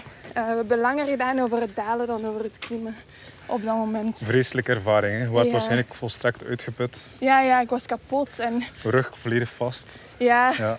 Ik, zat op, ik zat op een steen in het midden van de afdaling gewoon alleen aan het. En niemand wist wat ze moesten doen. En ik, ik kon gewoon niet meer verder. Ik, ja, ik weet niet. Uiteindelijk is dat wel gelukt en zo. Maar eh, het was nog best wel wat kilometers. Ehm, Iets dat dan helpt, of als je dat ziet bij iemand anders, ja. is even stoppen en gewoon recht staan. Volledig op je twee voeten, uitgestrekt, normaal recht staan. Bewust ademen en bewust proberen je rug en je buik te ontspannen. Want meestal als je echt vast zit, op dat punt, ja, zit ja, een, een halve hunchback of Notre Dame, volledig in elkaar gebogen, volledig dichtgeklemd Ja. volledig in de stress. En wat je dan moet doen, is niet alleen je geest ontspannen, maar ook je, eh, ja, je kernspieren terug ontspannen. Eigenlijk yoga doen op, in het midden van de bergen. Ja. Gewoon even weer bewust zijn van waar sta ik, hoe voelt mijn lichaam en is dat nodig? Want wat je dan dikwijls ziet bij iemand die gewoon even staat, zichzelf recht maakt en die rug en die buik ontspant, die denkt van oeh, een enorme verlossing. En dan, dan kan je praten met elkaar. Hè. Dan kan je zien van oké, dit ligt voor ons, dat is wat we gaan doen. En dus gewoon even weer bewust zijn van het grotere en waar ga je naartoe, hoe voel ik mij, is dat nodig dat ik zo gespannen ben. En wat je dan vaak krijgt als iemand niet te ver zit, is dat hij zegt van ah ja, oké. En dan kunnen we weer verder. Ja. Dat is echt zo'n een, een, ja, een paniekaanval dat je toch Ja. een beetje krijgt. Hè? Ja. Welk materiaal is voor u zo ehm, overbodig of overrated? Waarvan zeg je van, oh, dat is echt niet nodig om mee te nemen op je tocht? Ehm, wacht hè. Te veel kookgrief. Eh, mensen kopen vaak ook ehm, ultralight. Ja, En ultralight is niet voor iedereen zinvol. Omdat, ja, ik heb zo'n collega die zegt altijd... If you expect it to weigh nothing, expect it to do nothing. Dus je kunt daar goede keuzes in maken en ook heel slechte. En eh, een typisch voorbeeld daarvan is het brandertje. Een brandertje Ja. van voor uw gas. Ja, precies. Uh-huh. Dus dan, ja, dan krijgen ze van die superlichte kopjes die in eh, laboratoriumomstandigheden een bepaalde efficiëntie hebben. Maar in de praktijk, ja, het is koud, er is wind, het gas is misschien niet perfect. Dus de laboratoriumomstandigheden die zijn totaal niet van toepassing op de realiteit. Ja, En wat je dan krijgt, oeh, ja je moet alsjeblieft verder praten. Ja, wat je dan krijgt, is eigenlijk een superlicht brandertje. Een super inefficiënt brand. Terwijl als je gewoon bijvoorbeeld ja, een type jetboil systeem meeneemt, dat weegt iets meer, maar dat werkt. Dus ehm sta je niet blind op grammen. Als je je rustzak maakt en je rustzak bevat de noodzakelijke items, waarbij dat antwoord is van werkt dit zoals ik het nodig heb? Als het antwoord erop ja is, dan is jouw rugzak in alle waarschijnlijkheid niet te zwaar. Sta u niet blind op eh, grammen. Dat is totaal zinloos. Want eh, de voornaamste manier om je zak lichter te maken, is door geld uit te geven. En dat is niet altijd voor iedereen mogelijk of de meest zinvolle oplossing. Nog zo'n courante fout is ehm, besparen op het slaapgrief. Dat komt meestal op ehm, ja, proberen een compromis stellen in hoeveel geld geef ik uit. Want een slaapzak is duur. Eh, of wat kan ik lenen? En ja, maar die slaapzak is wel bulky of die weegt mij te veel. Voor eh, een klein beetje meer volume in je rustzak en een klein beetje meer gewicht slaap je. Of slaap je niet. En dat maakt al het verschil. Keer op keer op keer op keer zie ik mensen. S morgens worden ze wakker. Ik heb niet geslapen. Van de kou. Ja, volgende nacht, ik heb niet geslapen. En dan, ehm ja, 9 van de 10 keer komt dat omdat ze de raad van de slaapzak en het slaapmatje niet gevolgd hebben. Dus maak geen compromis op je slaapgrief. Als Niet er iets veel moet wegen, allee, of mag wegen, dan is het Ja. dat eigenlijk. Ja, oké. Allerbelangrijkste. Slaapgrief. Waterdichte buitenlaag. Broek en jas. En donsla- donsjas. Dikke laag. Dat is ook iets dat altijd vergeten wordt. Dus eigenlijk bivakeren of hiking is twee dagen in één dag. Dus in de bergen kan het zijn dat het overdag snikheet is. En dan s'avonds koelt het af. En eh, dan zeg ik altijd, je moet echt een dikke, dikke, dikke laag mee hebben waarin dat je echt lang statisch kunt zijn. Zitten.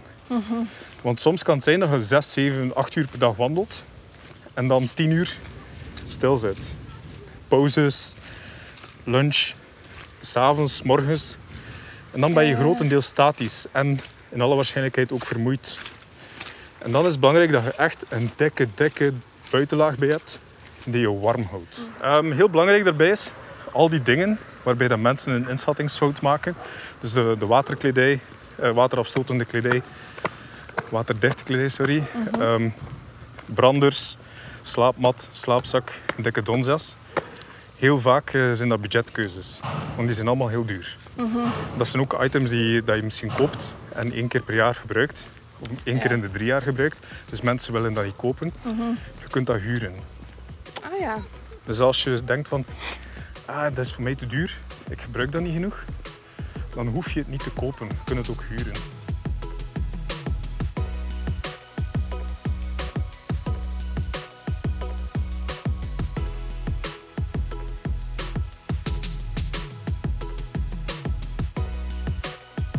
Las op jouw blog eh, dat je in de Ardèche was in Frankrijk. Mhm. Je eigen tocht aan het uitstippelen waard. Dacht van oké, we kunnen wel langs Stier gaan, maar uiteindelijk kwam je uit op een, op een muur, om het zo te zeggen. Ja. Wat, wat was er daar zo aan misgelopen? Ehm, overmoed. Eh, slecht kaartmateriaal. Ah ja, dat was het. Dus dat was zo'n typische vakantie. Dat was eh, eigenlijk ja, een Tour de France, een kabinetje. En gelijk waar je toe komt, had ik dan de gratis open source kaart. En in plaats van dan ja, routes op te zoeken, deed ik gewoon mijn ding van ik doe de kaart open, ik lees het terrein, ik zie wat voor paden dat er daar liggen. En ik volg die. Dus eh, ik had hetzelfde gedaan. Die route waarschijnlijk gepland op een kwartier of minder. En die, die stiplijn op de kaart bleek ja, een canyoningroute te zijn. In zo'n uitgedroogde canyon waar er niets van water staat. Ja. Dus je loopt daar en initieel lijkt dat een, eh, een pad. Op de digitale kaart ziet dat er ook uit als een pad, dezelfde markering.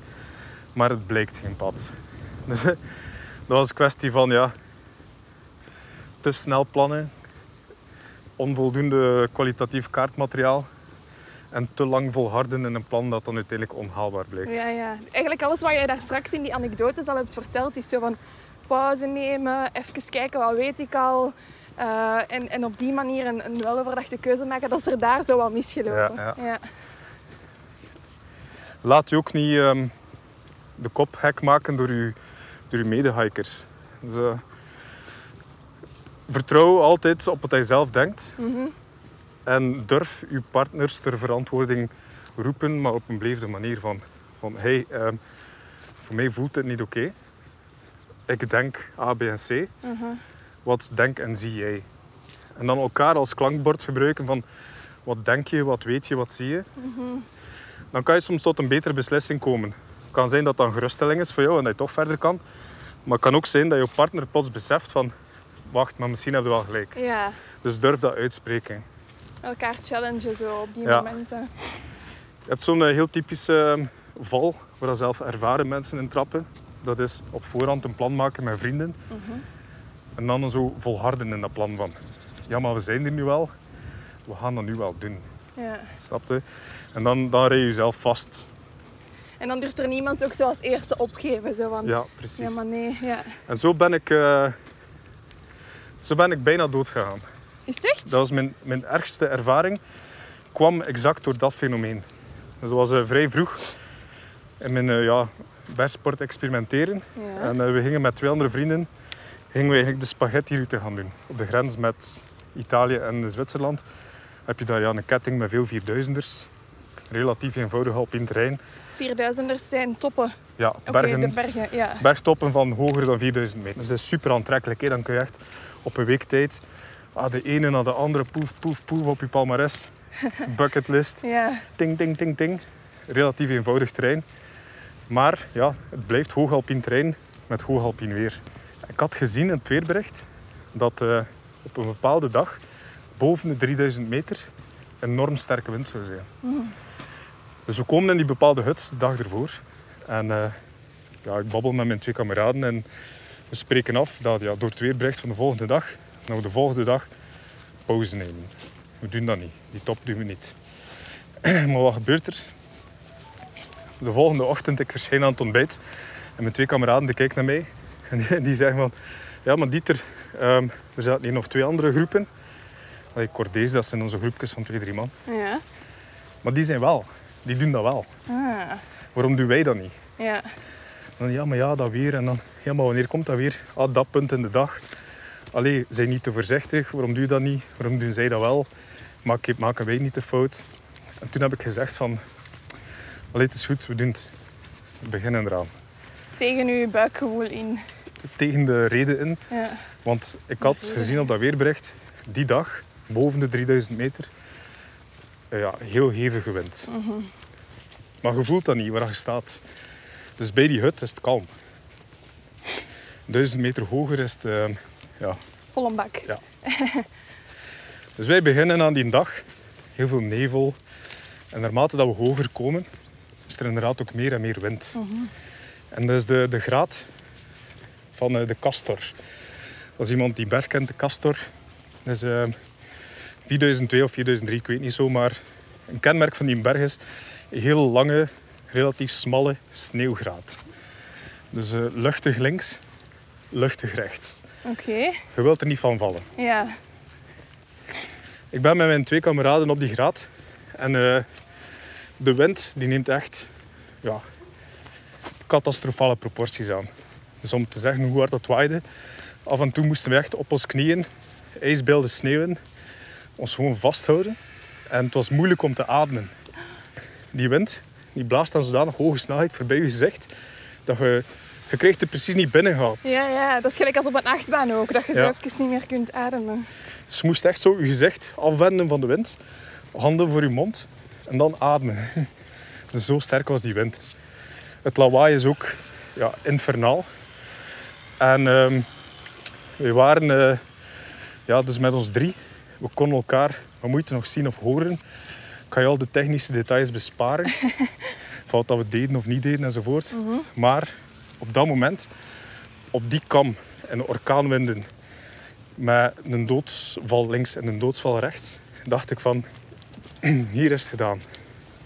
Ik, het, het gebeurt ieder moment. En hoe voel... Allee, Dat is dierlijke angst. ja.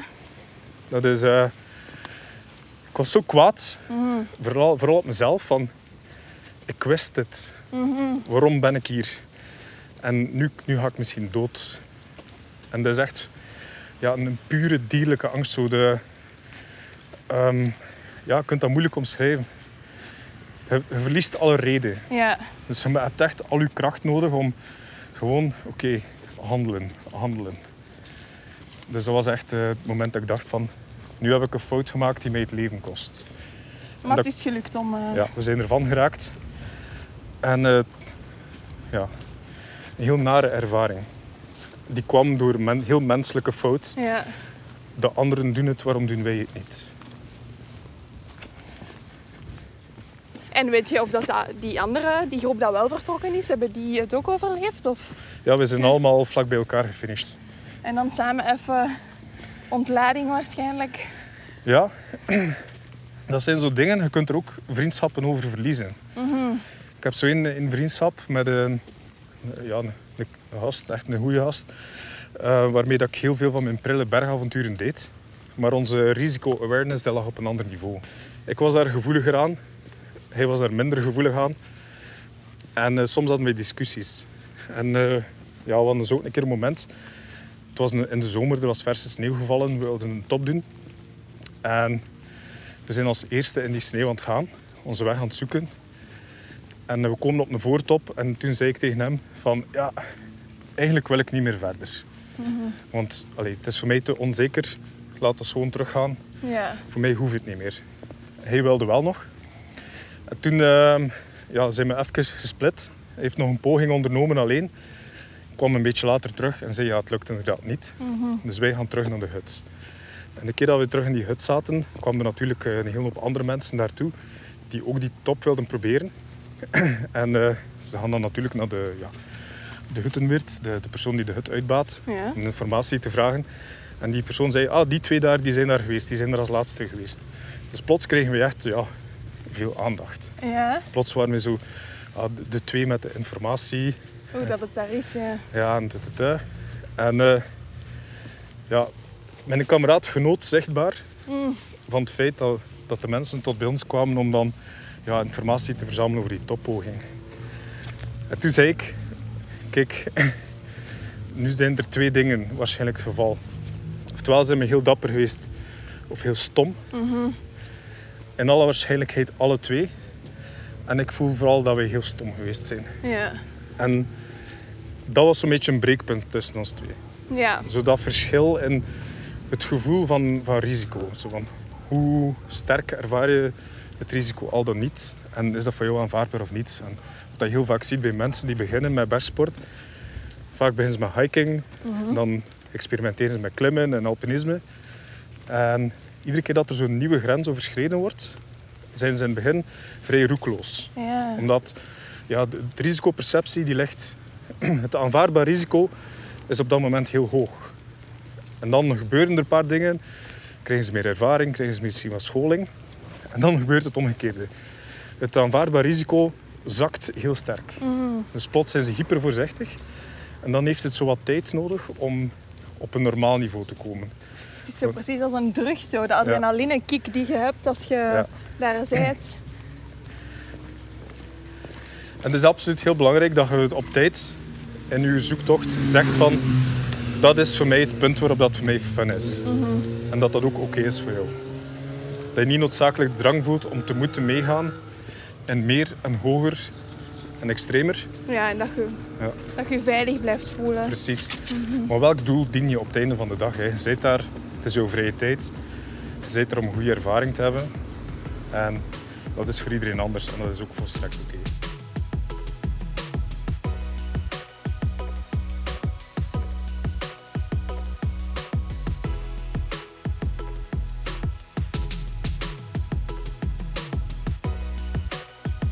hebt waarschijnlijk ongelooflijk veel mooie plekken al gezien. Absoluut. Wat zijn zo je top drie je mooiste dingen dat je ooit al hebt gezien en, en waarom?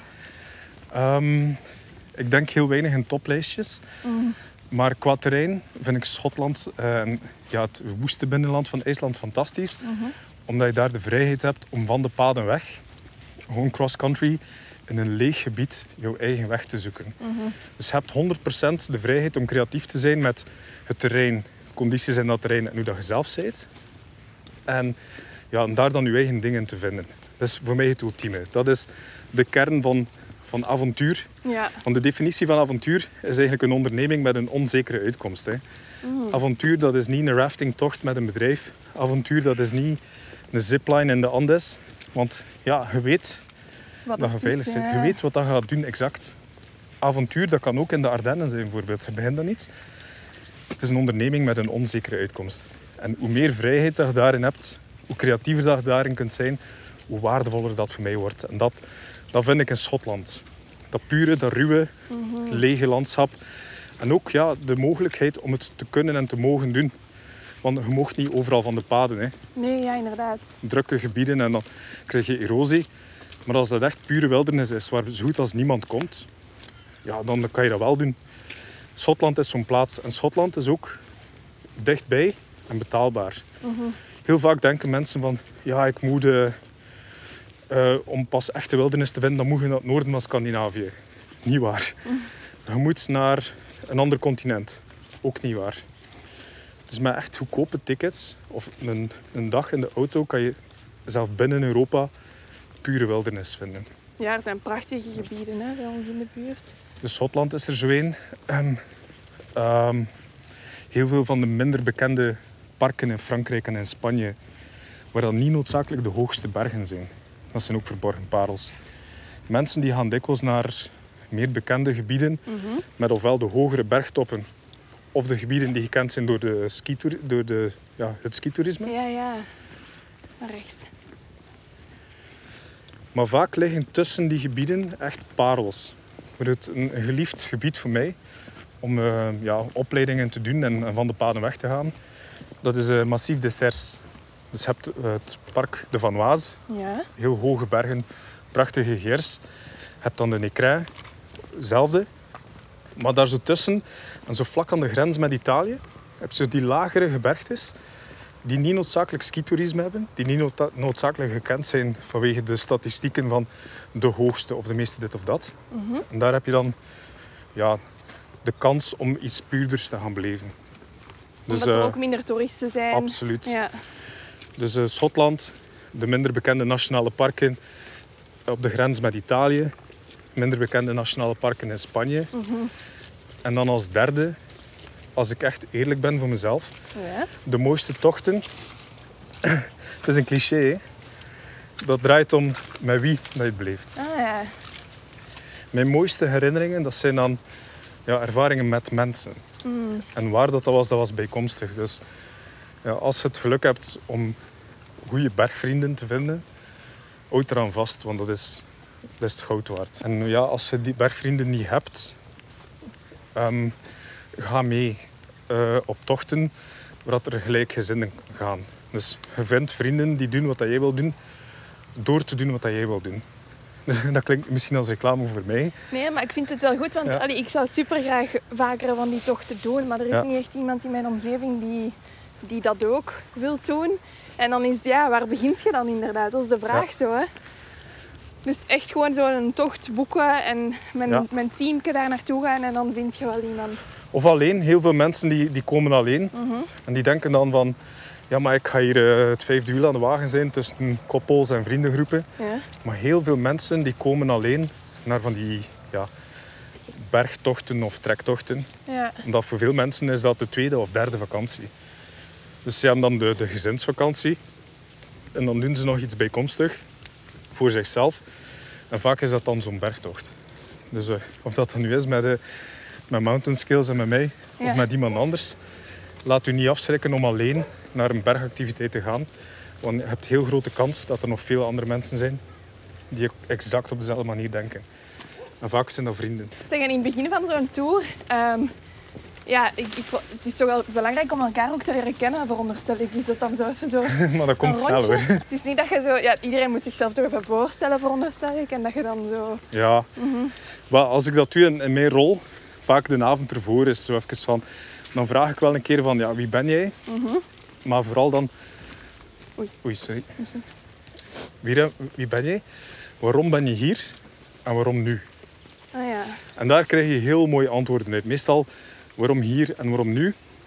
En dan, dan begint de spraakwaterval. Dan vertellen mensen dikwijls een heel persoonlijk verhaal. Ja. En dat hoeft niet noodzakelijk in een groep of aan tafel. Dus dan, dan pols ik in het algemeen naar wat is jouw ambitie om, ja, wat wil je uit deze week halen? Ja. En dan in de loop van de week komt die waarom hier en waarom nu, komt die wel naar boven. Worden mensen vaak emotioneel? Ja, Ja. I can imagine. ja. absoluut. En dat is zo belangrijk dat de, de, de integriteit van mensen bewaard blijft. Nou, vaak komt er dan iets naar boven. Ze zijn bezig met iets op het werk of iets in de familie of een, een verlies of gewoon iets in het leven. En plots is daar tijd voor, snap je? Ja, ja. Om, om moeten verwerken. Ja. En sommigen praten dan, en sommigen worden stil. Maar dan ja, de combinatie van vermoeidheid, andere omgeving, andere mensen, Ja. de hoeveelheid mentale energie dat aangewend wordt om ja, plots aan dingen te denken waar voordien geen bandbreedte voor was, Ja. dat maakt toch veel los. En dat, dat moet ook kunnen. En zo goed als altijd heeft iedereen daar 100% respect voor.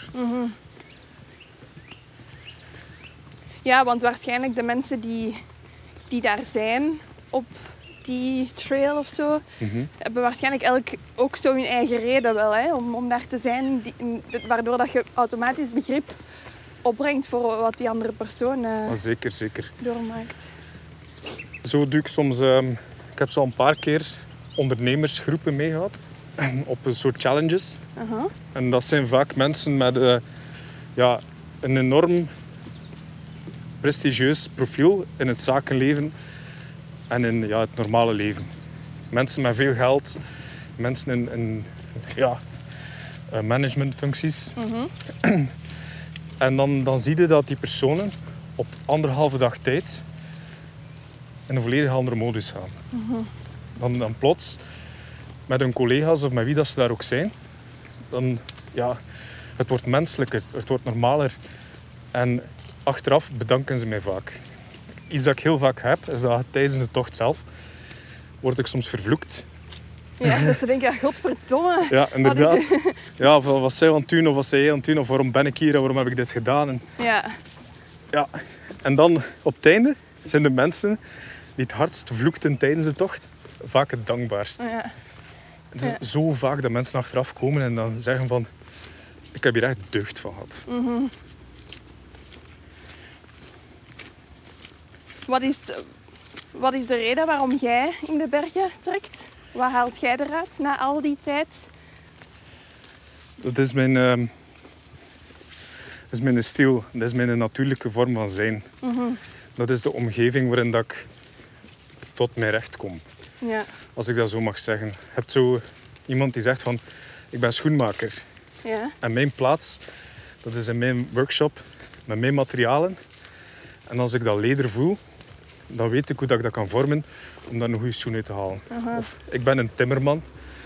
Ik kan meubels bouwen. Ik kan dat echt. Ik neem een stuk hout vast. Ik weet door dat stuk hout vast te nemen wat dat er daaruit geschapen kan worden. En dat, dat vakmangevoel, dat van ik ben in de juiste plaats met het juiste materiaal, voor mij is dat de bergen. Ja. Dat je leeft 100 procent. Maar je hebt wel natuurlijk, allez, want ik denk wat je nu vertelt, dat is, ik denk dat iedereen dat wil. Hè. Ehm, dat gevoel van ah, wat ik aan het doen ben, is echt 100% wat bij mij past. Maar je hebt ook echt wel fameus moeten zoeken om het te vinden. Ja, heel lang. Heel lang. En ehm, met veel vertwijfeling. Veel ontrading van mijn omgeving. Ah, waarom stopte met onderwijs? Je werpt je carrière weg. Of waar zijn je mee bezig? Of, of wanneer ga je een echte job nemen? En het moment dat ik de beslissing nam van nu ga ik voltijds enkel en alleen maar voor hits, ben ik beginnen leven. Dat was van nu ben ik aan het leven, nu ben ik aan het doen wat ik wil doen. Mhm. En dat gaf mij voldoening. Dus ja, dat was voor mij het, eh, de keuze voor uh, dat beroep. Is van, ik heb iets gevonden waarmee dat ik volledig mee wil bezig zijn. En die voor mij het soort problemen hebt die ik wil oplossen. En dat, dat brengt mij weer naar het begin van ja, wie is Dieter? Dieter is iemand die iets helemaal wil doen of helemaal niet. Dus ik wil niet een, uh, iedere dag naar een job gaan waarbij ik aan het aftellen ben dat weekend. Uh Ik wil gerust iets doen dat heel moeilijk is, maar met heel mijn hart. En voor mij is dat dat beroep. Of hoe Dieters woorden een mooie metafoor zijn voor het leven. Wijze woorden van een wijze man. Ik ging de hele tijd aan zijn lippen en ik ben zo benieuwd naar onze wandelreis in augustus. Ik, ik sta te popelen om te vertrekken, echt waar. Dus als je nog mee wil, er zijn nog plekjes. Check zeker mountainskills.be voor alle info. En als je Dieter wil volgen, dan kan dat op Instagram mountainskills.be. Als je vragen hebt over de reis, dan kan je hem ook altijd een berichtje sturen. Hij helpt je graag verder. En al is het in Frankrijk of in IJsland, wie weet zien we elkaar deze zomer on trail. Als je geniet van gesprekken en wandelingen als deze, vergeet dan zeker niet om je te abonneren of een rating te geven. Je kan op Wandel ook steunen met een gift. En hoeveel kies je helemaal zelf. Alle info vind je samen met de show notes op www.opwandel.be. En wil je helemaal niets missen van de Opwandelavonturen? Volg ons dan op Instagram, opwandel, en word lid van de gratis Facebook community. Tot de volgende op wandel dus. Maar wacht vooral niet tot dan om zelf al in je wandelschoenen te springen. Want je weet, een dag niet gewandeld is een dag niet geleefd. Ciao!